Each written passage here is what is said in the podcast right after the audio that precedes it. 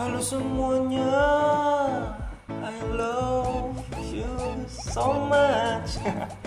Mungkin Dixon ini ternyanyi yang jelas di kepala kalian semua, tapi gue beneran paling in love sama kalian semua yang udah nyempetin buat denger podcast gue kali ini. Oh iya buat kalian semua yang lagi menjalani ibadah puasa tetap semangat ya. Semoga lancar puasanya sampai hari kemenangan dan fitri nantinya. Oke biar gua tebak kalian pasti penasaran sama siapa sih di balik podcast kece abis kali ini. Tanpa basa-basi lagi gua langsung kenalin diri aja kali ya. Oke gua Muhammad Chandra Irawan lo bisa panggil gua Chandra. Gua dari jurusan ilmu komunikasi angkatan 2020 Hmm, udah kenal lah ya. Kalau mau kenal lebih jauh sih, ini main-main ke rumah.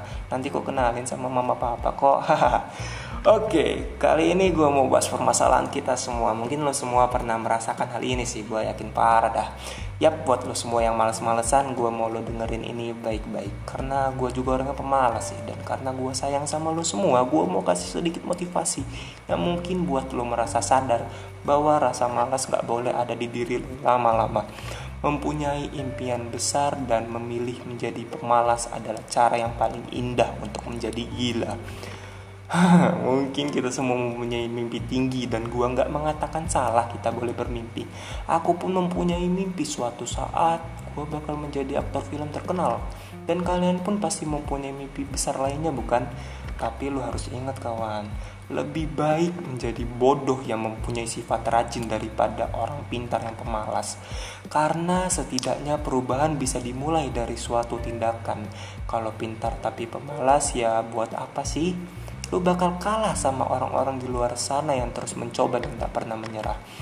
Buya Hamka pernah berkata, salah satu pengkerdilan terkejam dalam hidup adalah membiarkan pikiran yang cemerlang menjadi budak bagi tubuh yang malas, yang mendahulukan istirahat sebelum lelah. Kalau lu perhatiin kata-kata tersebut dengan bijak, itu nampar banget sih men karena pikiran dan ide kita semua ini mahal loh. Dan hanya karena malas lu jadi gagal eksekusi itu semua.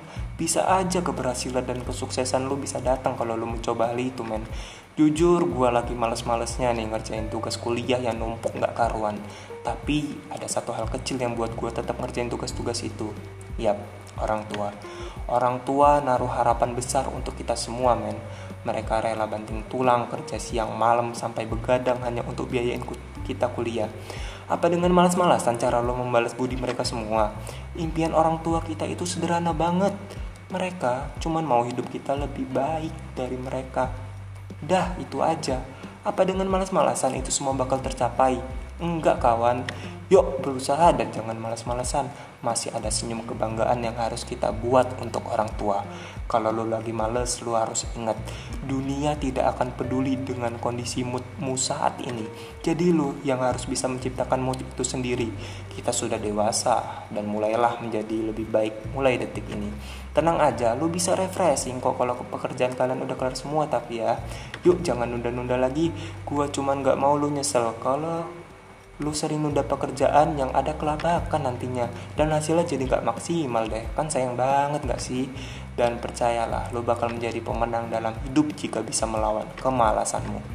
Mungkin sedikit kata-kata gua tadi menjadi motivasi buat kita semua untuk menjadi orang yang lebih rajin dan produktif nantinya. Dan mimpi-mimpi besar lu akan menjadi kenyataan. Tetap semangat buat kalian semua calon orang-orang sukses di masa depan nantinya Ya udah gak kerasa nih kita udah sampai di penghujung podcast. Dan gue ucapkan terima kasih karena kalian mau dengerin podcast Abal, Abal dari gue ini. Gue tutup pakai pantun aja kali ya. Dua tiga sumur berdiri, gue Chandra izin undur diri. Sampai jumpa di podcast selanjutnya